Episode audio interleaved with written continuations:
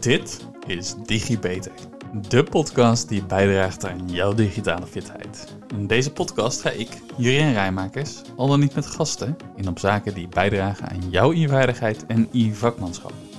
Hey allemaal en welkom bij weer een nieuwe DigiBeter. We zijn nog altijd bezig met een deep dive in de technieken die onze wereld gaan veranderen. Waarbij de eerste techniek waarover ik het gehad heb AI is en de methodieken en technieken daaromheen, zoals de neurale netwerken en machine learning. En wat meer hardwaregerichte technieken die je uiteraard niet zonder de software kan zien. Maar daar had ik het onder andere over de geavanceerde robots en die Internet of Things. En met die Internet of Things ben ik geëindigd dat de Internet of Things sensoren en AI-ontwikkelingen ook nog wel eens van een hele grote invloed kunnen zijn voor het komend jaar voor de virtual en augmented reality. Maar hoe zijn die nu ontstaan? En wat zijn hier de belangrijkste technieken en technologieën? En waar worden ze nou eigenlijk gebruikt in privé en in de verschillende industrieën? Hoe beïnvloedt het onze manier van communiceren en samenwerken? Er zijn zoveel vragen die bij deze technieken nog te stellen zijn. Maar laat ik maar eens beginnen bij het begin. Wat is VR en AR nou eigenlijk? En voor je nou afvraagt, wat klinkt hier nou anders dan anders? Ik heb wat hoestjes, wat kriebels en ja, nou, mijn digitale fitheid is nog prima op orde, maar mijn gewone fitheid is er wat minder. Doordat in de pandemie veel winkels gesloten waren, hadden wij als consumenten uh, hadden we andere manieren nodig om in aanraking te komen met producten en met diensten wat al wel langer aan het opkomen was, nam daardoor in één keer een vogelvlucht. En ineens konden we door middel van augmented reality die bank in onze woonkamer projecteren. Onze nieuwe, nog niet gelegde vloeren op de foto zetten. Dat het echt lijkt alsof die er echt in je woonkamer al ligt. En zo konden bepaalde zaken toch gedeeltelijk het contact en de beleving die we normaal gesproken in de werkelijke wereld hadden, toch nog een beetje opvangen. Ook in het onderwijs en in de zorg zetten dergelijke technieken zich echt in een heel snel tempo door. Maar wat is het nu? Ik heb het alles besproken, maar eigenlijk nog nooit veel verder uitgediept. En daar is het nu een keer tijd voor. En die tijd is daar omdat ik denk dat het in het komend jaar best nog wel eens een vlucht kan gaan nemen. Je ziet namelijk de techreuzen Microsoft en Google over elkaar heen hobbelen, donderen vanwege de AI. En die AI is ook heel erg belangrijk in augmented en virtual reality. Virtual reality, oftewel VR en augmented reality. Hè, wat zijn dat, is dat nou eigenlijk? AR, augmented reality. Nou, dat zijn twee vormen van technologie die ervoor zorgen dat mensen zich in een virtuele wereld kunnen bevinden. VR is een volledig digitale ervaring. Een ervaring waarbij jij als gebruiker je volledig in een digitale wereld bevindt. De technologie waarbij je een computer gebruikt om een simulatie van een bepaalde omgeving, maar wel een echt een hele andere omgeving te creëren. Dat kan een omgeving zijn die volledig digitaal is nagebouwd, of gewoon een compleet fictieve omgeving. Je ziet virtual reality op dit moment ook wel vaker in combinatie met de metaverse. En die heb ik in aflevering 7 over de platforms al even aangestipt. En dat zo kan, later kan ik dat zeker nog verder gaan uitdiepen. En ik denk dat je augmented reality daar zo meteen ook in die relatie kan gaan zien. Maar daarvoor is de metaverse aan zich nog niet ver genoeg uitgekristalliseerd. Ik had het al even over de augmented reality, dus ik ga daar nu ook even naar kijken. Augmented reality kun je het beste beschrijven als de techniek waarbij je de werkelijkheid verrijkt met het digitale. Augmented reality is dus ook digitaal, maar op zo'n manier dat je een laag van digitale informatie toevoegt aan de echte wereld. En dat gebeurt vaak door middel van de cameratechniek, door die in te zetten. In bijvoorbeeld eh, de augmented reality bril die Apple waarschijnlijk later dit jaar weer op de markt gaat brengen als een nieuwe poging. Daar kun je dus waarschijnlijk zit er ook gewoon een camera in. Maar het kan ook al door gebruik te maken van de camera op je smartphone of op je tablet. Zoals dat gaat in de voorbeelden waar ik het net al even over had, waarbij je je bank in de woonkamer kan projecteren of een nieuwe vloer. Je kan augmented reality ook in veel andere situaties inzetten. Maar een passende uh, die bij de discussie van de afgelopen weken een beetje, nou, wat mij betreft wel past, vond ik bijvoorbeeld in de retail. Daar zou je hem bijvoorbeeld in kunnen zetten om op die manier een productlabel met ingrediënten en dergelijke aan te kunnen passen.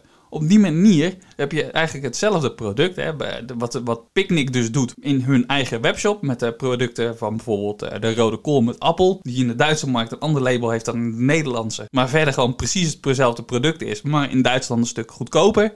Dan ga je dat naar Nederland halen. Nou, dat zou je als fabrikant, kun je dat natuurlijk ook doen. Of als leverancier, als winkel, kun je dat natuurlijk ook doen. Door, in te, eh, door augmented reality in te zetten. En dan kun je gewoon een nieuw label op zo'n pot projecteren. Nou zal in dit voorbeeld de supermarkt dat misschien wel eerder gaan doen dan de leverancier. Want de leverancier heeft er baat bij dat het hier een stuk duurder is. Want dat uh, ja, komt in de, in de zakken van de leverancier terecht natuurlijk. Maar als supermarkt, ja, dan kun je dat gewoon heel erg eenvoudig kun je op die manier dat inzetten om het productlabel, ingrediënten en dergelijke aan te passen. En op die manier heb je dus hetzelfde product met dezelfde verpakking. En als het de leverancier dat doet, hè, dus de, de echte leverancier, dan kan je gewoon dezelfde verpakking misschien wel in heel Europa gebruiken. Met een goed en leesbaar digitaal etiket. En misschien zelfs wel een kleiner label. En dus bijvoorbeeld minder vervuiling, zodat je minder etiketten hoeft te plakken of de kleinere etiketten kan plakken. En dus ook weer lagere verpakkingskosten. Voor de consument heb je dan het voordeel dat het overal even duur is en niet in Duitsland euro's goedkoper. Dat je dus dezelfde fles cola van hetzelfde merk in Duitsland voor dezelfde prijs koopt als in Nederland. Tenzij er natuurlijk echt een andere samenstelling aan ingrediënten zit in dat product. Wat ook heel goed mogelijk is, want in de verschillende landen is het smaakperspectief is toch anders. Maar goed, en daarbij ga ik in dit voorbeeld natuurlijk even vanuit van het uh, voordelige voor de consument. Het kan natuurlijk ook zijn dat het daarmee in één keer prijsopdrijvend werkt in alle landen. Dan is het in één keer niet meer voordelig. Dat is, kun je alleen maar proefondervindelijk ervaren natuurlijk. Het verschil tussen virtual en augmented reality is dus dat de een die genereert een volledig digitale omgeving. Creëert een digitale omgeving die de gebruiker omringt. Terwijl de ander digitale informatie toevoegt aan de echte omgeving. Nou, beide technologieën zal je echt steeds vaker terug gaan zien komen. Niet alleen privé, voor gaming of voor een beetje entertainment of shopping, zoals met die bank. Maar je hebt het natuurlijk ook dat het bijvoorbeeld terug kan komen in een speelhalmogelijkheid. Nou, en daarmee zie je het dus al in een type organisatie terug. Maar ook voor trainingen, simulaties, educatie, zoals bijvoorbeeld in musea, of zelfs therapeutische doeleinden. De realiteit wordt door deze technologieën dus veranderd, door middel van door de computer gegenereerde beelden en audio. In die context zul je dus ook wel vaker de metaverse gaan horen. Je hebt misschien dus ook wel eens gehoord van de multiverse, de omniverse en de fediverse. Laat ik die verschillen eventjes toelichten voor ik verder ga. Maar hou er wel even rekening mee dat ik hierbij de basis pak, dit nieuwe technologieën zijn en dus zelfs deze termen nog niet helemaal goed zijn uitgewerkt. Er bestaan heel veel ideeën over, maar die ideeën die lopen wel het een en ander uiteen. En daarmee geeft het dus ook vele invullingen. Ik ga dus om die reden proberen mijn definities voor nu zo ruim mogelijk te houden. Nou, we beginnen met de metaverse. Dat is dus een samenhangend universum van virtuele werelden in real-time 3D-omgevingen die via het internet verbonden worden. En op die manier gebruikers laten samenkomen en ook samen laten communiceren. Nou, ga ik dan kijken naar die multiverse. Hè, dat gaat uit van de mogelijkheid van een ontelbaar aantal parallele universa waarbij de Omniverse als concept stelt dat alle mogelijke universa en alle realiteiten bestaan en dat ze ook allemaal even waar zijn. Het gaat daarmee in die zin een stapje verder dan de multiverse als concept, omdat het stelt dat er geen enkel universum beter of meer waar is. Nou, tot slot heb je dan de Fediverse. Dat is ook heel erg interessant, omdat dit een term is die we veel gebruiken in de wereld van decentrale en sociale media. En sinds allemans vriend Elon Musk afgelopen jaar Twitter heeft opgekocht en mensen massaal hun toevlucht namen tot Mastodon, neemt inmiddels wel weer wat af. En ik weet niet hoe goed het gebruik is daar, maar goed, je zag in ieder geval de vlucht naar Mastodon. En Mastodon, dat is een voorbeeld van zo'n sociaal medium geplaatst in het Fediverse. Goed, ik had het over VR en AR, dus laat ik het daarvoor vandaag ook even bij houden. En laat ik het ook even bij de metaverse houden, want dat is al vaag genoeg. Net als bij de Internet of Things gaan virtual en augmented reality al even terug qua begrippen. En laat ik dan even ook weer terugspoelen in de tijd naar 1800. Nou, 1800 Juriaan, maar toen hadden we deze technieken toch helemaal niet?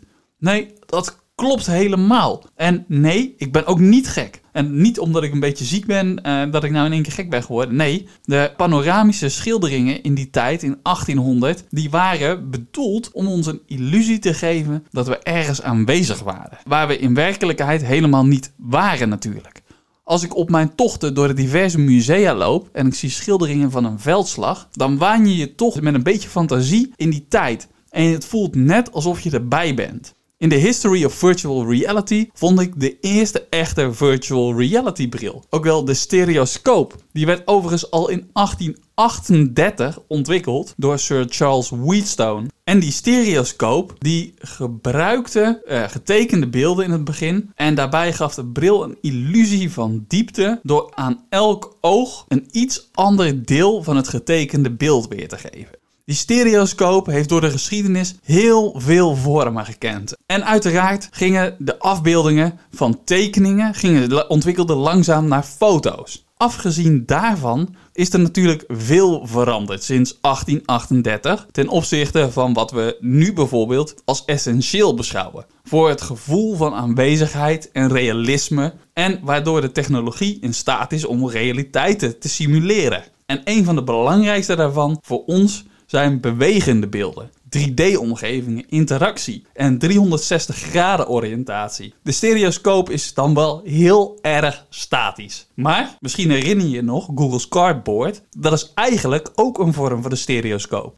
En stereoscopen en de moderne virtual reality delen het essentiële kenmerk van de stereoscopische diepte-illusie 3D. Zo rond 1920 hadden we vliegtuigen en moesten piloten getraind worden om ermee te vliegen. Het learning by doing, dat was verschrikkelijk riskant natuurlijk. En zo kwamen er langzaam flight simulators. Het oefenen van iets in de praktijk, in een praktijkgerelateerde omgeving, die toch niet echt was. Het lijkt geen zins op virtual reality, waar ik het nu over heb, maar de eerste vergelijkingen van de techniek zijn hier wel degelijk al te zien. Veel van de uitvindingen en toekomstbepalende ideeën die vind je ook terug in science fiction. In 1930 introduceerde schrijver Stanley Weinbaum het idee van de Pygmalion Spectacles. Het dragen van deze bril zou de gebruiker in een fictieve of virtuele wereld brengen waarin je dan dingen zag, maar ook kon ruiken, proeven en voelen. Het zou virtueel tot leven komen. Pygmalion, waarnaar de bril vernoemd was, dat was een Griekse beeldhouder. Die werd verliefd op zijn eigen gemaakte beeld. En Pygmalion die smeekte tot Venus om het beeld tot leven te brengen. En ik denk dat deze mythe een interessant licht werpt op onze virtual reality droom, waarin we realiteiten voor onszelf willen gaan creëren. Of het door het verhaal van Stanley komt, ik weet het niet, maar zo rond 1960 zie je de ontwikkeling van de sensorama. De stereoscoop werd een soort van gepimpt en kreeg wat kleuring.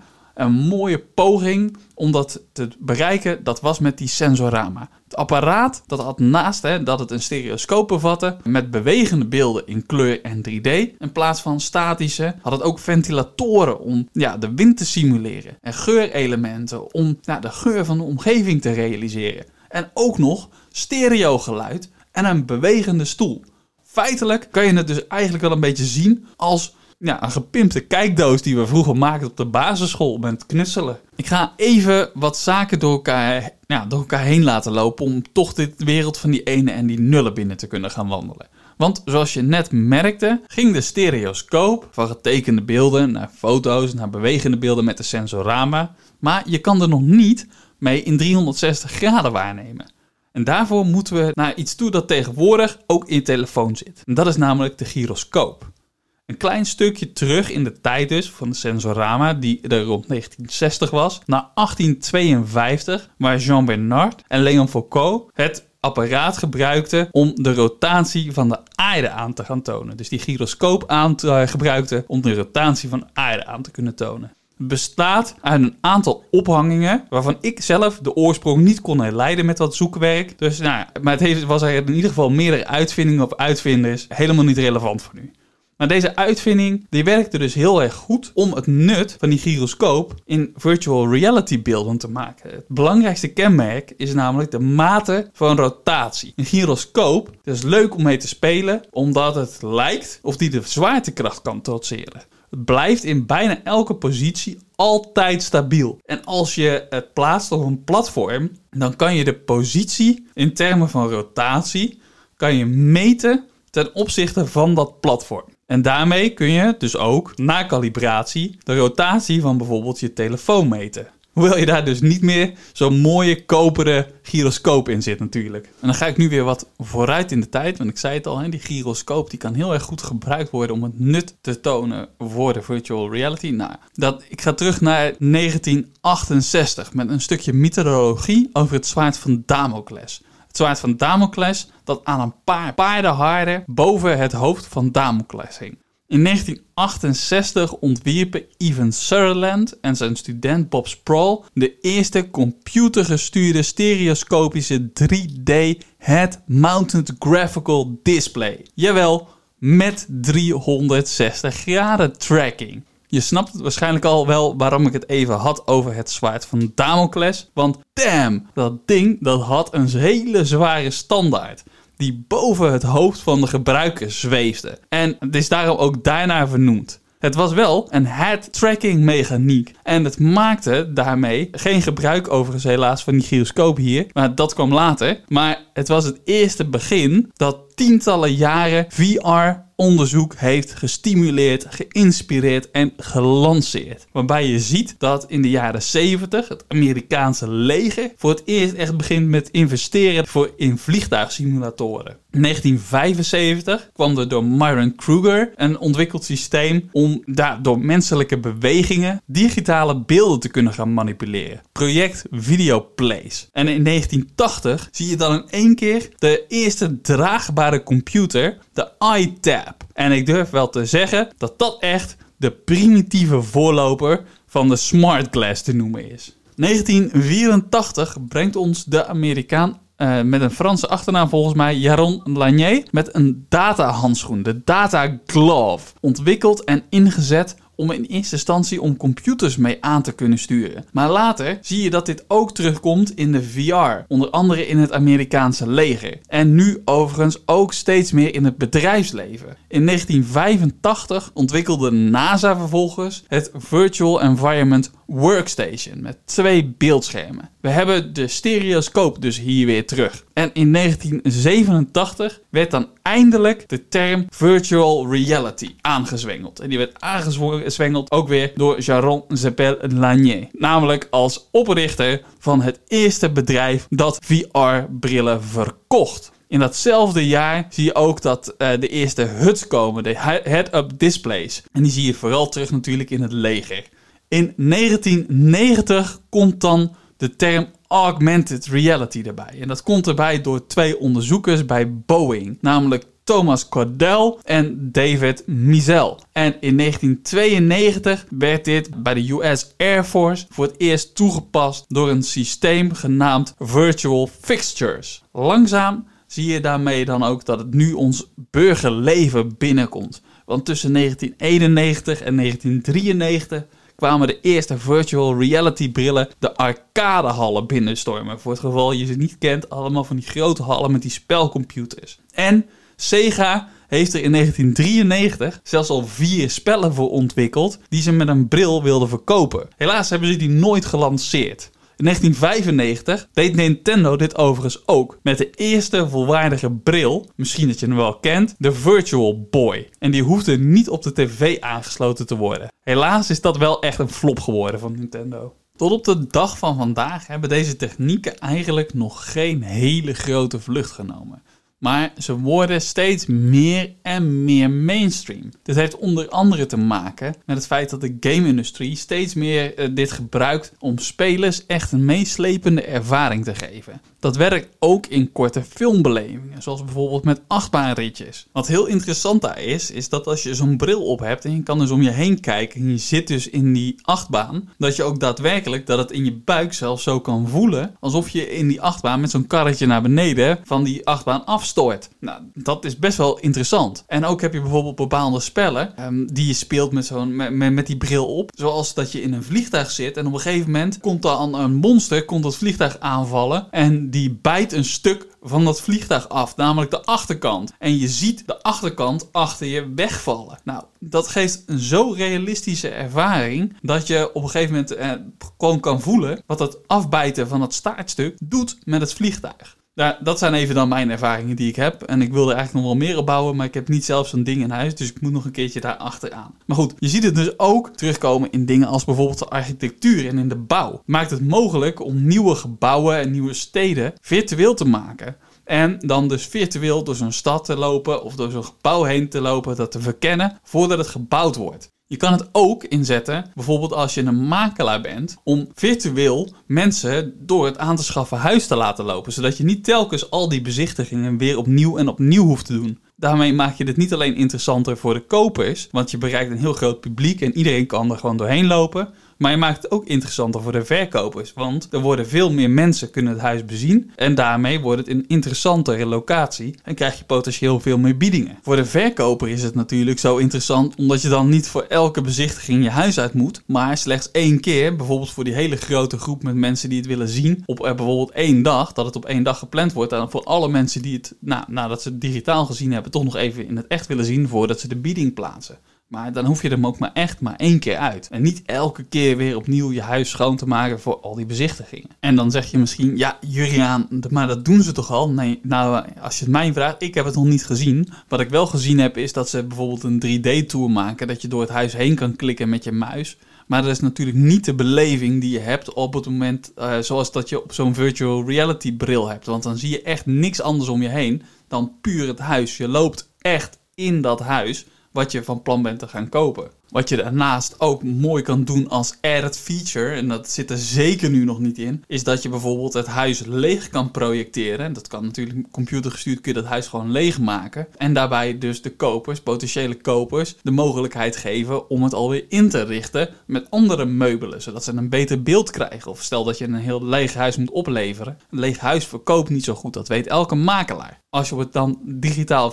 met virtual reality, als je dat dan uh, op zo'n manier realiseert, dan kun je mensen toch de illusie geven dat die is ingericht. Ook in het onderwijs zie je deze techniek nu toch wel langzaam opkomen. Het is een unieke manier natuurlijk om les te geven. Doordat je in een virtuele lesomgeving kun je veel meer bieden dan dat je in een gewone lesomgeving kan. Door bijvoorbeeld een geschiedenisles, die kun je echt laten beleven. Het verrijken van een leerervaring op deze manier kan dus ook een enorm positieve impact hebben op het begrip en op kennisbehoud, op het onthouden. En als je dat gaat combineren met traditionele methodes van lesgeven, dan kan je er op die manier voor gaan zorgen dat complexe ontwerpen en concepten veel beter te begrijpen zijn, veel beter tastbaar zijn.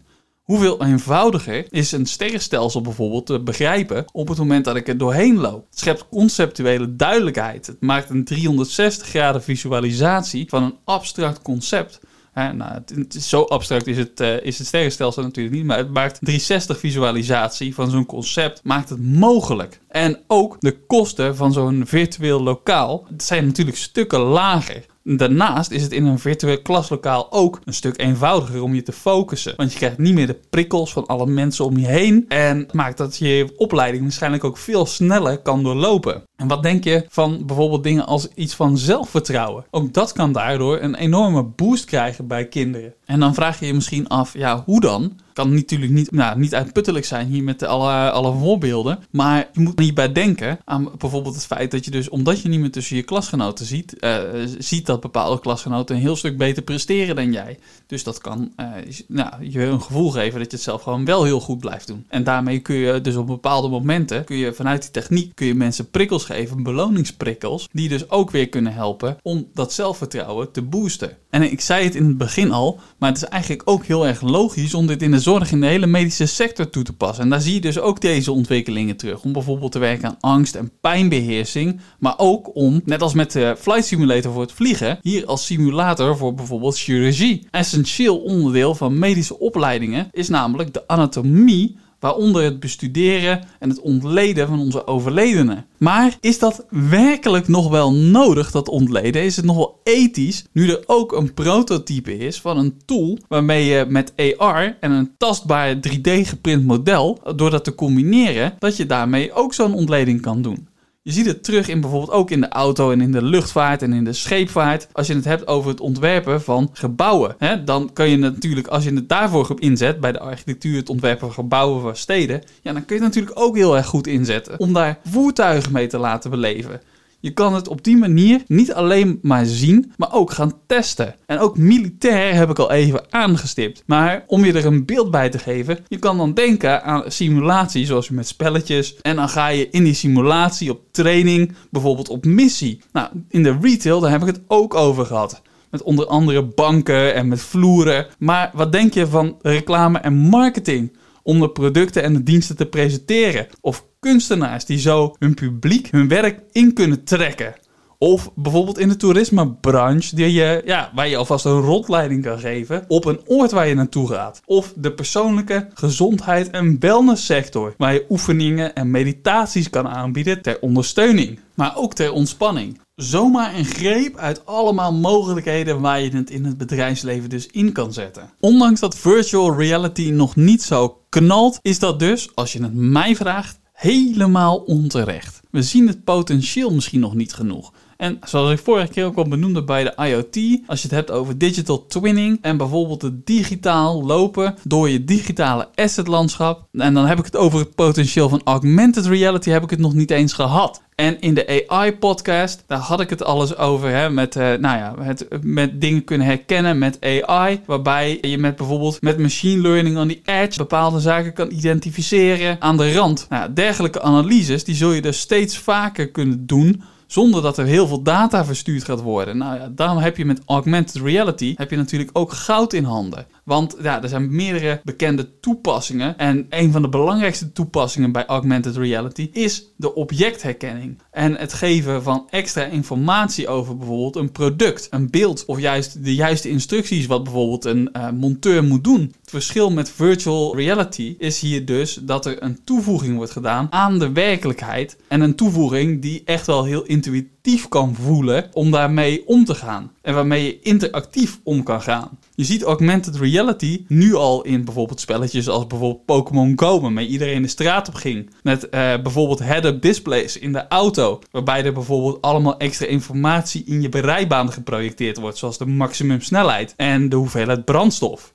Aan al deze mooie technieken kleven natuurlijk ook wel weer risico's en nadelen. En als ik daar een beetje over ga nadenken, dan kom ik ook wel in een beetje in de richting van de privacy-inbreuk. Omdat dit soort systemen, ja, die gebruiken vaak wel locatiegegevens, die verzamelen ze dan. En andere persoonlijke gegevens, zoals bijvoorbeeld gebruiksgegevens maar bijvoorbeeld ook eh, een stukje persoonsherkenning misschien wel. Nou, dat geeft een risico tot uh, privacy schending en identiteitsdiefstal. Meestal zitten er camera's in en je kan de risico's daarbij zelf misschien wel verzinnen. Daarnaast zijn de systemen natuurlijk ook kwetsbaar voor bijvoorbeeld malware-infecties. En ligt er best wel een risico op de loer van spionage. Wanneer je bijvoorbeeld zoiets inzet voor trainingen van complexe machines, voor overzeese instructies. Waarbij je als je junior instructeur, zo, uh, je junior instructeur, je junior monteur naar de andere kant van de wereld uh, stuurt. En die dan informatie geeft over hoe die reparatie uitgevoerd moet worden. Ja, wie weet wie er meekijkt en wat voor dingen je dan deelt. Of als je legeroefeningen aan het doen bent, zo'n missie aan het oefenen bent en er dan mensen meekijken, ja, wie weet wat je vrijgegeven hebt. Minder digitale risico's zijn bijvoorbeeld de risico's van verslavingen of met botsingen. Omdat je je VR-headset op je, op, op je hoofd hebt en dus niet ziet wat er in je omgeving gebeurt. Nou, en ook heb ik van alles gehoord en gelezen van de digitale cybercrime in de metaverse. Want hoe meer je in dergelijke digitale werelden gaat leven, hoe meer digitale objecten we daar waarschijnlijk ook zullen bezitten. En hoewel het bezit van zo'n digitaal goed, het betalen voor zo'n digitaal goed, zoals bijvoorbeeld een digitaal bureau, op dit moment best wel raar op mij overkomt. Maar dat wil niet zeggen dat dat niet gaat veranderen natuurlijk. Maar het zou best wel eens de normaalste zaak van de wereld kunnen gaan worden dat we dat gaan doen. En ook met de jongeren die daarmee opgroeien, je gaat natuurlijk steeds meer wennen aan zoiets op je hoofd. Het is steeds meer gewenning. Waar het dus voor ons misschien, uh, als je ouder bent, al lastig is als je dat een ding een uur op je hoofd hebt, of twee uur op je hoofd hebt. En dat je dan echt denkt van, joh, wat zit dat naar? Ja, op het moment dat je daarmee opgroeit, is dat pure gewenning. Nou, Gartner die voorspelt dat een kwart van de mensen in 2026, dus over drie tot vier jaar, tenminste één uur per dag in die metaverse zal gaan doorbrengen. Nou, sinds corona zie je ook dat die digitale werelden al maar groeien. Daar had ik in 2021 al een keer een podcast over. En overal waar geld te halen is, ja, daar heb je natuurlijk ook zwendel, diefstal, afpersing. En dat zal ook in onze digitale wereld verder gaan groeien. Gevaren nemen toe naarmate we ons daar meer in gaan bevinden. Een vorm van cybercriminaliteit die redelijk onbekend is. Maar zeker als je kijkt naar trendrapporten van bijvoorbeeld Interpol. Waar gaat het naartoe hè, met die groei in die cybercrime? Je ziet dat het enorm in opkomst is. Als je dan dadelijk mijn account hackt in die metaverse, hè, dan heb je misschien wel mijn avatar. En uh, als je mijn avatar hebt, hè, dan heb je het misschien wel over een stukje uh, AI en natural language processing en deepfakes. En dan kun je er de donder op zeggen dat als je dat combineert, dat we in die digitale wereld, dat je dat kan in gaan zetten om bijvoorbeeld een andermans digitale identiteit volledig aan te nemen. En op die manier ook bijvoorbeeld weer toegang kan krijgen tot de familie, tot de vrienden, persoonlijke digitale goederen, digitale munten zoals bitcoin of gedigitaliseerde bedrijfsactiviteiten. Heel erg interessant wat er ook allemaal voor mogelijke risico's weer aankleven. Interessant als ik daar misschien een keer in een Metaverse podcast nog wat dieper op induik. Maar er staan al veel topics op de wensenlijst. Dus ja, ik weet niet wanneer dat gaat komen.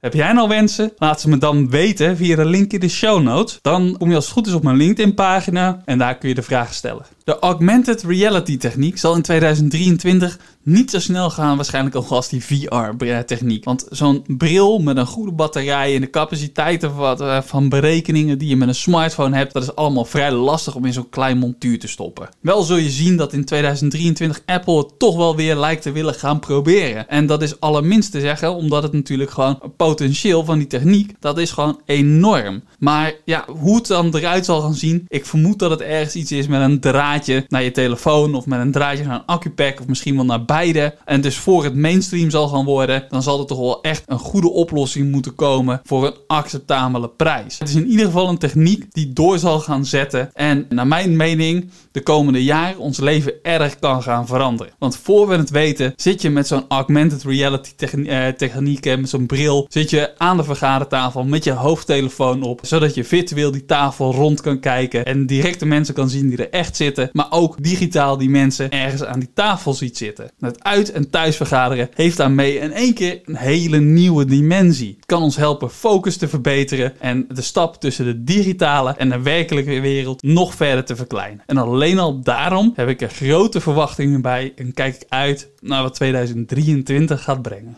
Voor wat betreft het vooruitblikken en het terugblikken, of het terugblikken en het vooruitblikken, net hoe je het wil zien, wil ik de volgende keer nog heel even kijken of ik een stukje blockchain kan oppakken. Dat heb ik natuurlijk al eerder gedaan in de podcast, maar toch even kijken wat zijn nou, de ontwikkelingen van, van het afgelopen jaar en kunnen we misschien mooie technieken het komend jaar verwachten. Voor nu, dank voor het luisteren. Tot de volgende keer. Tot de volgende DigiBeter. Vond je dit nu een leuke uitzending en wil je meer weten? Abonneer je dan op de podcast door op volgen te klikken het duimpje omhoog en geef een beoordeling van bijvoorbeeld 5 sterren, zodat nog meer mensen deze podcast kunnen vinden. Wil je collega's, vrienden, familie, zoals je opa of oma, net zoveel plezier doen en ze digitaal fitter krijgen? Deel dan de podcast. En zo worden we samen allemaal digitaal. Heb je een vraag over wat er verteld is in de podcast? Een bepaald onderwerp dat je graag terug zou willen horen? Of wil je gewoon laten weten dat je erg van de podcast genoten hebt? Je kan mij feedback geven en vragen stellen via LinkedIn. Zoek dan even naar Juriaan Rijmakers. Hoe dan ook, na deze podcast ben je weer een beetje digifitter. Tot de volgende keer, tot de volgende DigiBeter.